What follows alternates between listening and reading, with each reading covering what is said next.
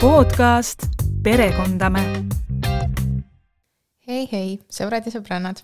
mina olen endiselt Brit Velling ja podcast, mida sa kuulad, on endiselt Perekondame ja mul on väga hea meel, et sa oled tulnud kuulama selle episoodi järjekorra numbriga neli.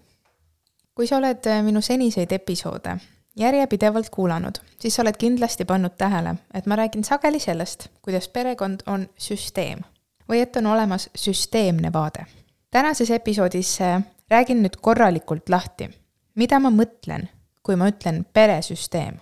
ehk et ma jagan teiega oma nägemust pereteraapia aluseks olevast süsteemsest teooriast. Võin etteruttavalt öelda, et äh, tänane episood annab praktilisi teadmisi ja oskusi ja samal ajal on see episood ka kergelt äh, filosoofiline.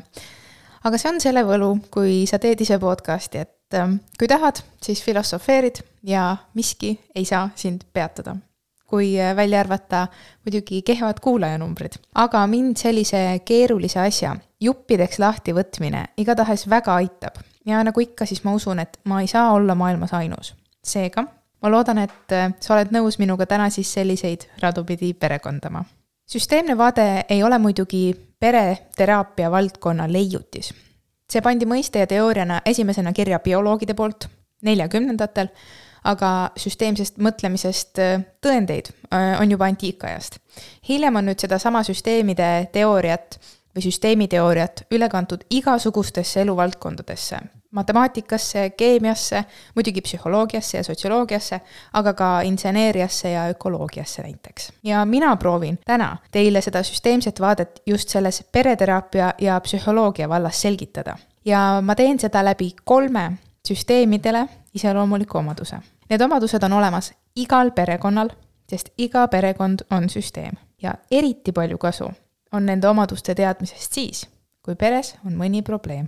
Minu arvates on süsteemne vaade lihtsalt geniaalne, sest et kui sa oled ühe korra selle endale selgeks teinud, siis sa hakkad süsteeme igal pool märkama ja veelgi enam, sa saad nüüd neid samu ideid rakendada väga paljudes situatsioonides, kusjuures mitte ainult peres palju laiemalt ka. nii et kui sa tahad lihtsamat elu ja mõnusamaid suhteid, siis on tänane episood sulle. lisaks võiks see eesootav episood äh, olla meeltmööda keelesõpradele. vahel ununeb, et kui miski tundub segane, siis me võiksime tagasi minna algusesse. ja sageli asub see päris algus keele ja sõnade tähenduste ja nende sõnade tekkelugude juures. nii et hakkame pihta ja alustame seda episoodi sõna süsteem definitsiooniga eesti keeles. Te kuulsite seda eelmises episoodis ka. süsteem on mingite objektide kogumik, mille osad on omavahel seotud ja süsteemide esimene omadus võiks kõlada nii. süsteem on see, kus muutus ühes süsteemi osas tähendab muutust teistes süsteemi osades.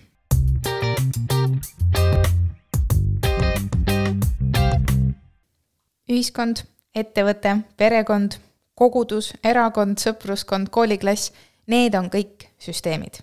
ja siis on süsteemide sees veel omakorda süsteemid. näiteks perekonna sees võivad olla sina ja sinu partner või partnerid, te olete partnerite süsteem, ühe pere lapsed on lastesüsteem, ühiseid lapsi kasvatavad inimesed on vanemlik süsteem.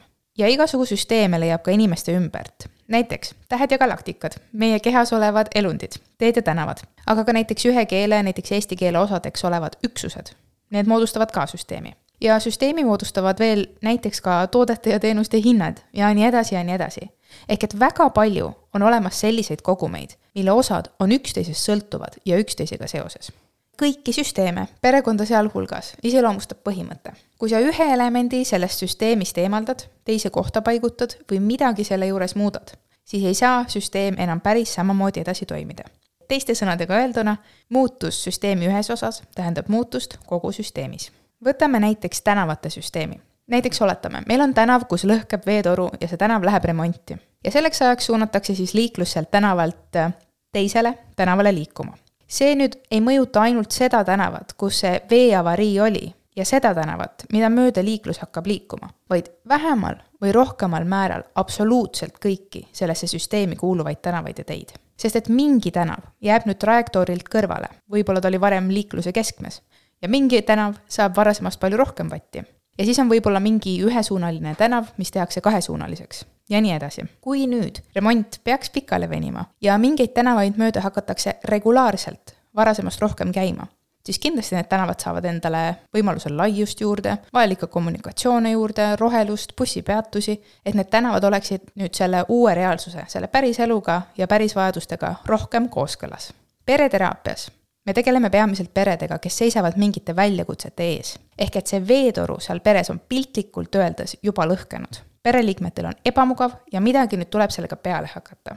seda omadust, et muutus süsteemi ühes osas tähendab muutust kogu süsteemis, saame nüüd ära kasutada selle jaoks, et kliendi perekond või meie enda perekond sellest probleemist välja juhtida. see omadus tähendab, et iga pereliige saab probleemi või mingi seisaku korral muutuse algatada see liige, kes saaks praegu midagi teha selle osas, mis sinu peres toimub, oled ka sina. nii et mõtle, mis sinu peres toimub ja siis mõtle sellele, et ka sina saad oma kujuteldavas teedesüsteemis olla see uus tänav, kes seisva liikluse uuesti käima paneb. Või see töömees, kes veetoru parandama tuleb, või see spetsialist, kes hakkab huvi tundma, et miks see veetoru seal üldse katki läks. ja need kõik toovad kaasa muutuse. aga seda seletust te olete, ma arvan, nende eelnevate episoodide jooksul juba vähemal või rohkemal määral kuulnud. küsimus on selles, miks peresüsteem niimoodi toimib? miks see on nii, et kui ma ühel hetkel ei tee oma perele enam õhtuks süüa, siis lõpuks hakkab seda keegi teine tegema? miks on nii, et kui ma muudan oma käitumist, siis teised muutuvad ka? Pered koosnevad suhetest ja sõna suhe ei ole seotud mitte ainult sõnaga suhtlemine, nagu see eesti keeles on, vaid algupäraselt on seal seos ka sõnaga relatiivsus. näiteks inglise keeles me kasutamegi suhte kohta sõna relationship ja sugulaste kohta sõna relatives. sõna relatiivsus tähendab suhtes olemist ja suhtelisust. aga mis on relatiivsuse vastand? see on absoluutsus. ja sõna absoluutne tähendab ladina keeles vabadust.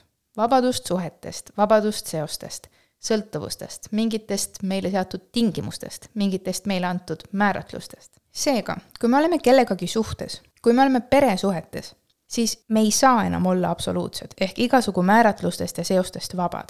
sõna otseses mõttes tähendab suhtes olemine seda, et absoluutsust enam ei eksisteeri. sest need kaks sõna, suhtes olemine ja vabadus, on vastandid, need on teineteist välistavad eksisteerib ainult subjektiivne tõde, suhtelisus, relatiivsus, mis sõltub nüüd omakorda sellest, kellega suhtes me end parasjagu vaatame, aga ka sellest, kes vaatab. kui nüüd minna eriti sügavale, siis kui te tulete või lähete teraapiasse, siis ka sellest, kes seda vaatamist vaatab, ehk siis, kes see terapeut on.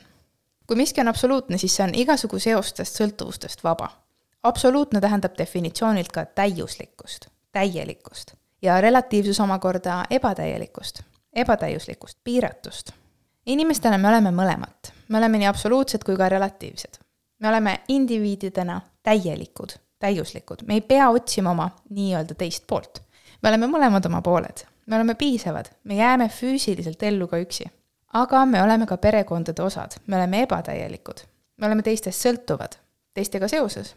me oleme mingite meile määratud rollidega. kuigi me oleme justkui tervikud, siis me ikkagi otsime oma seda teist poolt võib-olla sellepärast, et lisaks füüsiliselt elus püsimisele tahame ka emotsionaalselt ellu jääda ja mitte ainult, õnnelikud ka olla. ja samamoodi, nagu mõjutavad teised meid, määrame me ka ise teiste rolle ja seame nende eksisteerimisele tingimusi. pereteraapia üks äh, teerajajaid, Carl Whittaker, on öelnud There are no individuals, only fragments of families.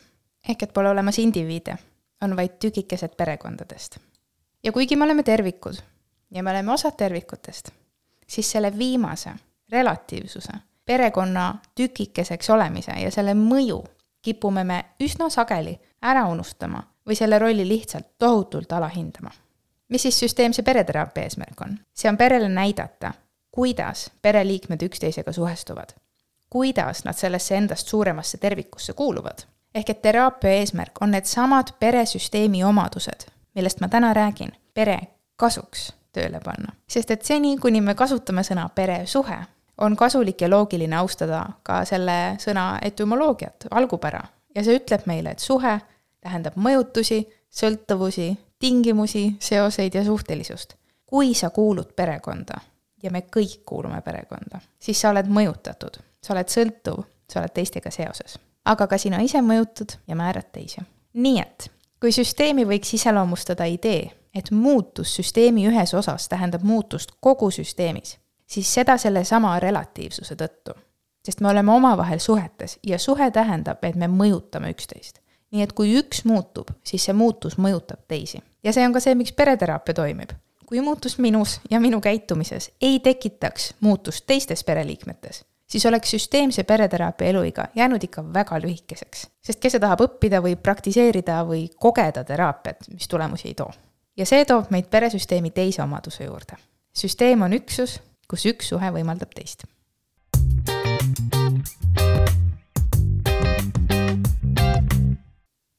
eelmine punkt selgitas meile, et me oleme peres omavahel seotud. me ei ole iseseisvad, meie käitumised ei ole iseseisvad aga kuidas me seotud oleme? kuidas ma saan ühte käitumist vaadates ennustada ette, mida hakkab tegema teine või kolmas pereliige? Sõbrad ja sõbrannad, me peame rääkima komplementaarsusest. minu jaoks on see suur hurraa-hurraa, sest et me oleme jõudnud minu ajeldamatu lemmikkontseptsioonini kogu pereteraapias. pöördume korraks jälle sõnaraamatu poole ja vaatame, mida tähendab komplementaarne. komplementaarne on miski, mis teeb millegi täielikuks. komplementaarsus on vastavus, täiendavus ehk et komplementaarsus on see, kui üks võimaldab teist. kui me oleme raskustes, siis me pigem tunneme, et me ei ole oma elus kontrollpositsioonil. Pigem me tunneme, et meie oleme need, kes sõltuvad teistest. ehk et see suhe on ühesuunaline. mina näiteks pean olema tugev, sest et keegi teine on nõrk või mina olen alla surutud, sest et teine domineerib. või et ma pean jääma rahulikuks, sest teine ärritub. mina olen väsinud, sest teine ju puhkab.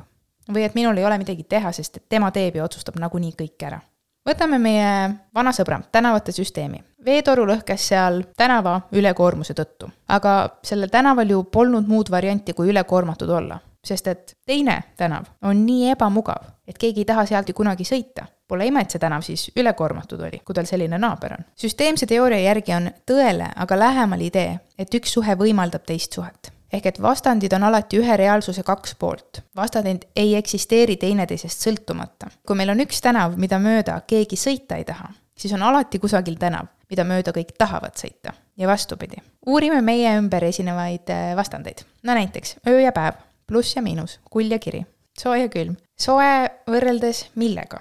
kui külma ei oleks, siis kas soe oleks soe? või äh, kull, mida ütleb kull üksi? kull on ikkagi kull selles tähenduses ainult tänu kirjale. ja kas öö oleks öö, kui talle ei järgneks päeva. eriti teravalt paistab see komplementaarsus ehk vastandlikkus, täiendavus silma siis, kui me kohtame äärmusi, mis juhtub sageli just teraapias. me läheme teraapiasse, sest et meil on suur kurnatus või täielik tühjustunne, meil on kodus pidev konflikt või hoopis vaikus, väga suur distants, või siis me tunneme just, et meil on tohutult rääkida ja me tahame peatumata jagada kõike, mida me mõtleme kui üks pereliige vastutab kõige eest üksi ja tunneb end kurnatuna, siis peab seal peres olema keegi, kes ei saa vastutust ja tunneb end kasutuna. mõlemad võivad öelda, et teine on nende hädades süüdi, et see suhe on ühesuunaline, et A viib B-ni ja mitte vastupidi. mõlemad võivad öelda, et neil ei ole kontrolli, nagu see rida näiteid, mis ma natukese aja eest tõin või kui üks partneritest on emotsionaalne ja tundlik, siis on kusagil teine partner, kes ei taju oma tundeid või surub neid alla ja tundub külma ja kalgina ja jällegi võivad mõlemad näha, et nemad on oma rollis seetõttu, et teine on nad sinna surunud. kui üks on väga emotsionaalne ja tundlik, siis võib-olla ei jäägi teise tunnetele ruumi. ja kui üks on väga külm ja kalk, siis peab teine seda kompenseerima oma emotsioonidega. iga süsteem, perekond niisamuti, proovib alati moodustada tasakaalus terviku ja see tervik koosneb sageli vastanditest. Ja nüüd on küsimus selles, et mis hetkel saavad täiendavatest pooltest vastandid kujutleme, et meil on mingi anum ja sellesse anumasse mahub midagi sada protsenti. nii et kui üks süsteemi liige on sellest anumast kolmkümmend protsenti, siis teised peavad kamba peal olema seitsekümmend protsenti, midagi ei jää üle. kui üks on viiskümmend protsenti, siis on ka teine viiskümmend protsenti. aga see ei ole vastandlikkus, see on sümmeetria. kusjuures isegi sümmeetria tekitab mõnikord probleeme.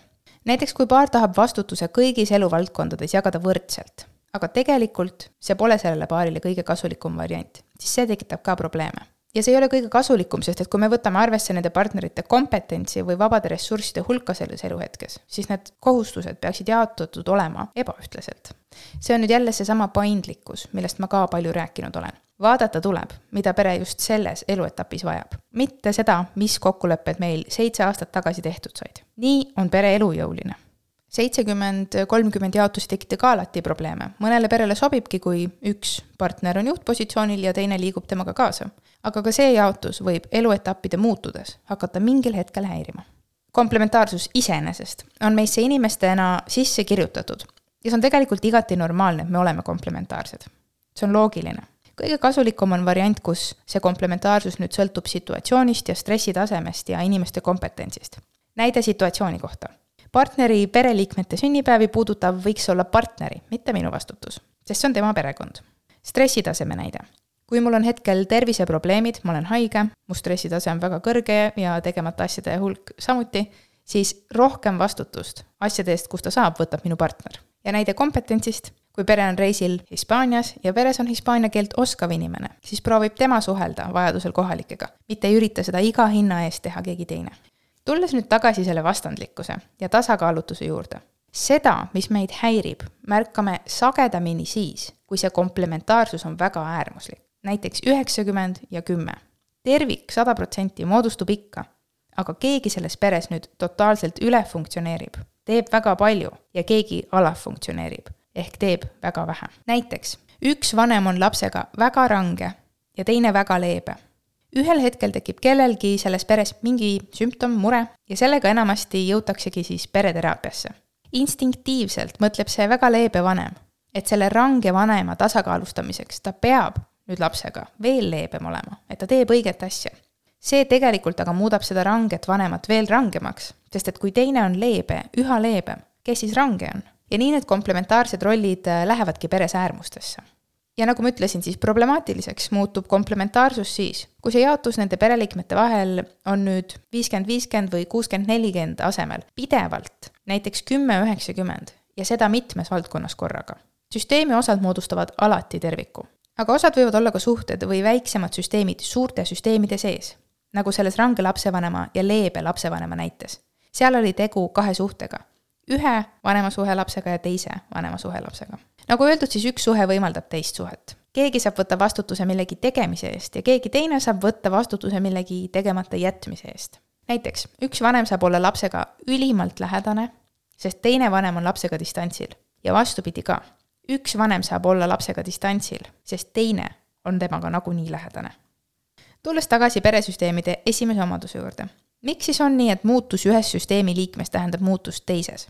Seepärast, et üks suhe võimaldab teist ja seesama muutus tekib, sest meie käitumised on komplementaarsed ja teineteist täiustavad. mistõttu täiskasvanud inimesena saad sa alati küsida, mis on minu osa sellest komplementaarsusest? mida ma teen selleks, et mul oleks selline äärmusesse liikunud roll. mida saab nüüd keegi teine selle võrra, mida mina teen või tegemata jätan, omakorda teha või tegemata jätta? ja olemegi jõudnud süsteeme kirjeldava kolmanda omaduseni.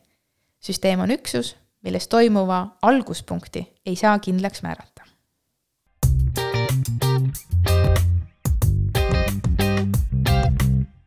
kujuta ette, et inimkehas ütlevad kopsud üles või et linna peatänavasse tekib hiiglaslik kraater, kuhu kukuvad sisse autod, bussid, inimesed. või et spordipoodidest saavad jalgrattad otsa. ja ma vabandan, kui see näide sind nüüd tugevalt puudutab. kes on süüdi? kas kopsud, et nad üles ütlesid? Või tänav selles, et sinna kraater tekkis? või spordipoed selles, et turul ei ole jalgrattaid, mida sisse osta? süsteemne teooria ütleb, et probleem on suhetes selle süsteemi sees. probleem on kas siis terves kehas, terves tänavate võrgustikus või hindades ja tooraines maailmaturul. huvitav on see, et me enamasti suudame teiste süsteemide puhul näha, et süsteemi üks osa ei ole süüdlane. Ja samal ajal me kipume nii kõvasti lihtsustama inimest ja seda perekondlike suhete süsteemi, kuhu meie kuulume.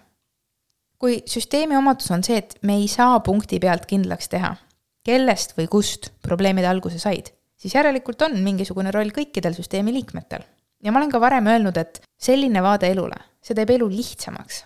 sest et sa ei pea selles hädaorus istuma ja ootama ja lootma, kuni see üks jutumärkides süüdlane ennast ja oma käitumist muuta otsustab. see on nüüd jälle see esimene omadus. muutus ühes süsteemi osas tekitab muutuse teises. nagu tänane episood ilmselt on näidanud, siis minu jaoks on huvitav uurida sõnu ja ka sõnade vastandeid. kui me võtame sõna süsteem, siis süsteemi vastand on esiteks süsteemitus mõnikord tundub peres toimuv tõesti süsteemitu kaosena, aga tänane episood äkki paneb sind sellele teistmoodi vaatama. aga teine süsteemi vastand on lineaarsus. see tähendab siis sirgjoonelisust, aga ka lihtsustatust. Lihtsustamine on näiteks seesama süüdistamine. kui kaks partnerit vaidlevad ja üks ütleb teisele, et sina oled kõiges süüdi, see on sinu süü. ehk et see teine partner on üksi süüdi tülis, ta on üksi süüdi kõrvalsuhetes, ta on üksi süüdi selles, et kodus on kõik tegemata. see on nüüd sirgjooneline lähenemine. A on põhjustanud B, üks on põhjus ja teine on tagajärg. probleemi alguskoht ja süüdlane on selged. näiteks üks partner ütleb teisele, et sa lubasid aasta aega, et sa viid mind kohtingule, aga sa ei teinud seda. Seega nüüd mul ei ole enam sinu vastu tundeid. see ütleb selgelt ära, et põhjus on lubatud kohtingu mittetoimumine ja tagajärg on tunnete kadumine. ühel partneril on kogu süü ja teisel mitte midagi. süsteemne vaade, mis on nüüd lineaarse ehk selle sirgjoonelise, lihtsustatud vaate vastand, otsiks nüüd lisaks teise vastutusele ka iseenda rolli toimuvas. see oleks iseendalt küsimine, mida mina selleks teen, et partner saab mulle antud lubadusi murda? Mida ma selleks teen, et partner ei peaks minu vajadustega arvestama? sellest rääkisime teise süsteemi omaduse juures. üks suhe võimaldab teist. võimalik, et sa kuulad seda minu juttu ja tahaksid öelda, aga kui ma nüüd kogu aeg seda oma rolli otsin ja igas olukorras vastutuse võtan, alustan üksinda kogu aeg kõiki muutusi, siis ma kurnan ennast ju ära. ja nii on, ma olen nõus. aga igas olukorras end abituna tundmine ja teistele vastutuse jätmine kurnab ka ära. näiteks läbipõlemist on olemas kolme erinevat sorti esiteks sellist, kus sa sead endale ebarealistlikke ja liiga kõrgelennulisi sihte ja põled seetõttu läbi. siis on olemas selline läbipõlemine, kus sa teed lihtsalt ülipalju ja sa ei puhka piisavalt ja põled seetõttu läbi. sa oled kurnatud ja näiteks muutud lõpuks oma tööasjades hooletuks. ja siis on olemas selline läbipõlemine, kus sul on liiga vähe väljakutseid, kus sa tunned ükslõisust, igavust, sa oled alamotiveeritud, sinu oskused on alakasutatud ja sa põled seetõttu läbi Need kolm varianti on jällegi äärmused ja sellest tänasest episoodist on juba käinud läbi ka see mõte, et kõige kasulikum on vältida äärmusi ja seda igas vallas elus. nii et kui tundub, et äh, sa alustad üksi kõiki muutusi ja vastutad üksi lõpuks kõige eest, siis kui miski tundub ületamatult raske, on minu nõuanne alati võtta üks samm korraga. sellesama iseendast muutuste alustamise teema osas. kui sa ühes vallas teed juba otsa lahti, võtad esimesena nüüd kusagil selle vastutuse, otsid üles oma rolli siis hakkab kogu süsteem vaikselt liikuma. See on nüüd see esimene omadus. muutus ühes liikmes tekitab muutuse teistes. ja see muutus võib omakorda mõjutada ka teisi probleeme, teisi olukordi ja teisi süsteeme. kui sa mõtled hetkel kümme sammu ette ja muretsed, et sa teed need kümme sammu kõik üksi, siis sa kasutad oma aega ja energiat selleks, et prognoosida midagi, mida ka süsteemsed pereterapeudid ei suuda saja protsendi täpsusega ette ennustada. juba esimene samm seal võib käima panna midagi sellist, millele sa ei osanud mõelda ja selleks, et teised sinu süsteemi liikmed saaksid nüüd ise ka mingit vastutust võtta, ise ka tunda seda, kuidas on, kui nendega teistmoodi käitutakse, siis pead sina neile seda mingil hetkel võimaldama. ma arvan, et kümme sammu ette mõtlemine on umbes nagu kiiktooliga kiikumine. see annab tegevust, aga kusagile ei vii.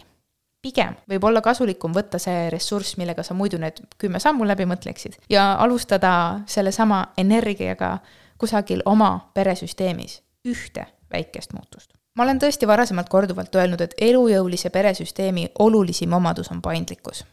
ühe inimese süüdistamine ei ole paindlik, pigem see on väga rigiidne viis asjadele vaadata. see on väga jäik viis elu näha. vaatame siin inspiratsiooniks jällegi teisi süsteeme, näiteks inimese organismi, mis on ikka üks väga paindlik süsteem, sest et ähm, kui meie keha, meie organism ei oleks paindlik, siis ei suudaks võidelda haigustega, see ei suudaks omaks võtta doonororganeid elada üle traumasid ja nii edasi ja nii edasi. Aga ka eelmises punktis, näiteks toodud teede ja tänavate võrgustik on väga paindlik, sest et kui ühel tänaval on veeavarii ja inimesed ei saa enam sealtkaudu kõndidega sõita, siis suunatakse nende teekond ümber. kõik osapooled annavad enamasti oma panuse, nagu nad suudavad, sest et eesmärk on säilitada süsteemi ja sellest mõjutatute heaolu ja paindlikkus võimaldab seda paindumatu süsteem on nüüd selline, mis otsib seda süüdlast ja seeläbi nagu alateadlikult seab eesmärgiks, et ma kannatan nüüd seni ära, kuni see süüdlane ennast muudab. Ma ootan selle ära. või ootab süsteem lihtsalt selle raskuse möödumist ja ei tee muutusi, sest ta usub, et süüdlane asub hoopis süsteemist väljaspool. ja mõlemal juhul on välistatud variant, et roll on toimuvas ka minul või siis tervikuna üldse minu perel. paindumatu süsteem ei näe enda rolli. ta ei näe seda enda osa tekkinud raskustes ja seega ei suuda see paindumatu süsteem ka kuidagi muutuda pigem see paindumatu süsteem ja selle liikmed otsivad ja enamasti ka leiavad selle süüdlase. Aga mida see paindumatus tähendaks näiteks teiste süsteemide kontekstis? veeavarii ühel tänaval tähendaks, et kõik sealt nüüd läbiminekut vajavad inimesed ootavad kaks nädalat ummikus. või et veeavariid hakkavadki regulaarselt korduma, sest et me paneme selle veetoru lõhkemise millegi väga konkreetse arvele, näiteks selle ühe kindla veoauto arvele, mis tol veetoru lõhkemise hetkel sealt tänavalt läbi sõitis. me ei näe kogu süsteemi rolli selles, et see veetoru on seal tänaval lõhkenud. Rigiidne tänavate süsteem ei näe seda, et kasutusel on juba ikka väga vana, ammu vahetust vajav roostatanud veetoru. ta ei näe seda, et veetoru on maapinnale näiteks liiga lähedal või ta ei näe seda, et vanasti käisid seal tänaval ainult inimesed, aga nüüd sõidavad sealt läbi ka veoautod ja see torustike süsteem oleks tulnud juba ammu ümber teha. see on paindumatus. paindumatus on võimetus teha ümberkorraldusi, võimetus näha enda rolli, võimetus kohaneda ja muutuda. või teine näide, inimkeha. Kui meie kehad ei suudaks vastu võtta vereülekandeid või näiteks doonorneeru, siis see tähendaks mitmete inimeste jaoks konkreetselt nende elu lõppu või selle elukvaliteedi tohutut halvenemist aga enamasti keha suudab seda. keha on väga paindlik süsteem. see suudab vastu võtta igasuguseid asju, ka näiteks hambaplommi ja tätoveeringut. rakud kehas arutavad ja otsustavad, et okei okay,, paneme edasi ja kohanevad ümber. paindlikkus võimaldabki meil edasi tegutseda. võib-olla on see tegutsemine nüüd mõnda aega ebamugavam kui enne, aga me saame areneda, me saame liikuda, me saame õppida, me saame oma reegleid ja seniseid toimetulekumehhanisme muuta ja uute vajadustega kooskõlla viia pärast hambaarsti juures käimist ei tohi ka ju mõnikord kohe süüa ja tätoveeringul läheb äh, ka paranemiseks alati aega. aga pärast seda on elu jälle elamist väärt. üsna sageli hoopis selgub, et äh, see uus toimimisviis on loogiline ja tegelikult kõikide süsteemi liikmete vajadustega hoopis rohkem kooskõlas. Et tegelikult peakski liiklus linnas kulgema teistmoodi, teisi tänavaid pidi. et see probleem peres tõi tegelikult esile midagi väga olulist, vajaduse muutuse järele teinekord muidugi need keerukad perioodid perekondade elus on nii kriitilised, et meil ei ole lihtsalt võimalik võtta mingit äraootavat positsiooni. tuleb tegutseda, midagi muuta või pere ei jää ellu. kui sul ikka veetoru keset linna peatänavat nädalaid purskab ja ükski inimene ka auto sealt liikuda ei saa, siis see teeb nüüd pikas plaanis päris kindlasti rohkem lisakahju kui see toru purunemine ise paindlikkust äh, on meil vaja muidugi siis ka, kui eluetapp vahetub, sellest me rääkisime podcasti episoodis numbriga kaks paindlikkust on vaja siis, kui ühel pereliikmel on väga raske. ja mõnikord tõesti tekib ka selline meie versus maailm stiilis olukord, kus me peame paindlikud olema väliste tegurite tõttu, nagu sõda ja katastroofid, hinnatõus, energiakriis. tegelikult on ka nendes süsteemides meil loomulikult oma väike roll kanda aga sageli iseenda rolli muutmisest üksi nüüd nendes hiigelsuurtes süsteemides enam ei piisa. küll aga muudab siin asja see, kui tekib palju väikeseid muutusi korraga. aga kui te tahate oma uusi teadmisi kohe ära kasutada, siis poliitikavaatlejatena saate kindlasti palju häid näiteid sellest, kuidas ühiskonda proovitakse kirjeldada lineaarsena ja kuidas süüdlasi nähakse sageli ikkagi teistes.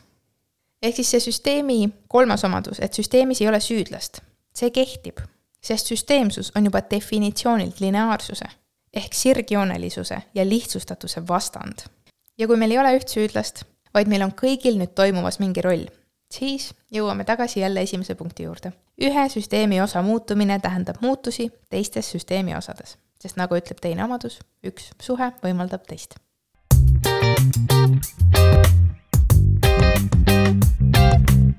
Ärge veel kusagile minge, natuke põnevat infot on veel tulekul aga nagu te olete juba aru saanud, siis äh, ma olen tõesti selle süsteemse vaate tulihingeline fänn ja eks see tänane episood oli mulle endale ka võimalus testida, et kui hästi ma siis sellest süsteemi teooriast aru saan. kui keegi kuulas ja leidis midagi ebatäpset ja tahab mind milleski parandada, siis ma hea meelega võtan kõik äh, need soovitused vastu. kui nüüd see süsteemne vaade tundub ikkagi sulle tegelikult ebaloogiline või ajab täiesti vihale, et asju nii saab vaadata, siis sa võid endalt küsida, kas see praegune viis, mida minu peresüsteem selle süsteemse vaate asemel kasutab, aitab mind, toetab meid kas sellest on praegu meie perele kasu? ja kui on kasu, siis pange samamoodi edasi. võib-olla ei olegi teie peres toimuvate suhetega kaasnevad väljakutsed hetkel piisavalt suured, võib-olla neid väljakutseid ei tekigi. aga võimalik on ka veel variant, et sa ei ole lihtsalt veel taibanud, et sa tegelikult mõtledki juba süsteemselt ja teil on seetõttu asjad korras. Aga kui teil on nüüd peres raskused ja väljakutsed, sinus olev tunne on kurnatus või tühjus, keegi on väga haiget saanud, pinged on õhus ja ühtlasi sa tabasid täna mind kuulates ära, et see mõtteviis sinus ja sinu pereliikmetes on pigem lineaarne, siis äkki ei olegi süsteemne vaade nii kehv alternatiiv. seega anna endale aega atra seada ja nendel mõtetel settida. minu enda erinevates teraapiates saadud kogemus suurte muutuste tekkimise või juhtumise kohta on selline, et mingid uued teadmised võivad mõju nüüd avaldama hakata kolme erineva mehhanismi kaudu. esiteks on mingisugused sellised taipamised või teadmised või infokillud, mis tekitavad vau-efekti tekitavad selguse, sellise valgustatuse tunde. äkitselt on kõik loogiline ja see efekt on nii võimas, et see iseenesest tekitab sinu elus ja sinus mingi muutuse. sest et nüüd, kui sa oled midagi nii olulist teada saanud, siis sa ei saa endale lubada enam, et sa käitud samamoodi edasi nagu vanasti. see läheb nüüd su väärtustega vastuollu. Need on need hetked, mille kohta inimesed ütlevad, et mu elu ei olnud pärast seda enam kunagi endine ja selline muutus võib sündida teraapiaruumis, konverentsil, raamatut lugedes, podcast'i kuulates. sa kuulad midagi, saad millestki aru või näed midagi, jääd mõttesse ja sulle jõuab midagi kohale.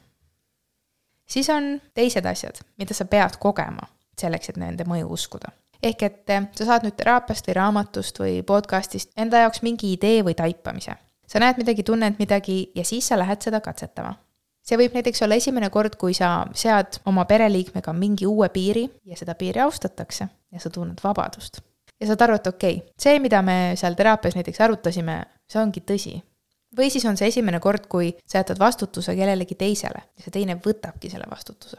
ja sa tunned, et sind on märgatud selle teise punkti asjad nõuavad nüüd äh, selle näiteks siis teraapias kogetu või kuuldu usaldamist see nõuab nende ideede usaldamist, mis sulle on pähe tulnud, kas siis ma ei tea, raamatu lugemise käigus, podcast'i kuulamise käigus, sellesama teraapia käigus ja see nõuab nende katsetamist.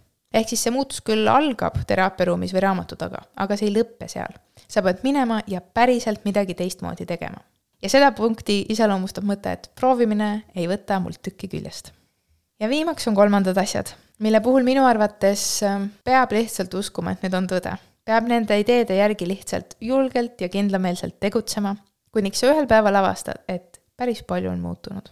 Täpsemalt öeldes sa hakkad üldse mõtlema, et millal see juhtus, millal ma üldse tõstsin viimati oma lapse peale häält või kaua see juba on olnud nii, et ma ei ole enam ärev, kui ma autorooli istun? millal ma viimati kangestusin, kui ma nägin oma isa nime telefoniekraanil nagu vanasti?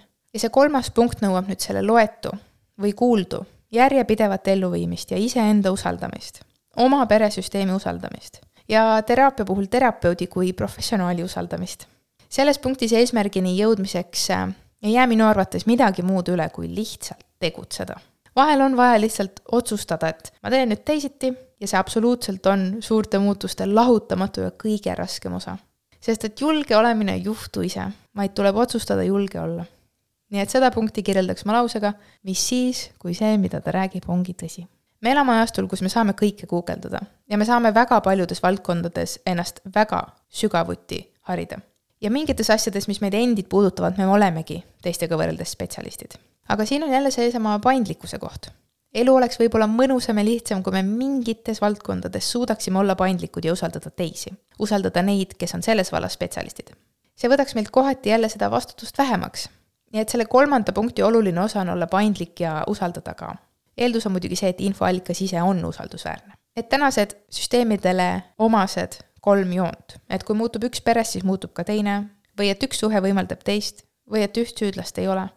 Need võivad kuuluda sinna vau-efekti kategooriasse, need võivad olla sellised ideed, mida sa kuuled ja äkitselt saad kõigest aru. aga suurema tõenäosusega kuuluvad need sinna kategooriasse, kus sa pead nüüd päriselt järele proovima, kas see, mida ma rääkisin täna, on tõde. Ja võimalik, et sa pead isegi proovima päris mitu korda ja usaldama, kuniks sa ühel hetkel märkad, et vau, sinu perekond tõesti on ka süsteem suur-suur aitäh, et sa tõesti täna pidasid selle episoodi minuga koos vastu. ja kuigi ma ütlen seda iga kord, et ma ootan seda tagasisidet, siis täna ma ootan seda eriti. sest eks see episood oli natuke teistmoodi kui seni. nii et anna mulle teada, kas sellisest episoodist on ka kasu, kas sulle meeldis see, kas sa said enda jaoks siit äh, midagi uut sa saad seda teha kas Instagramis kontol pereterapeut mulle kirjutades või saata mulle e-kirja aadressil perekondame at gmail .com.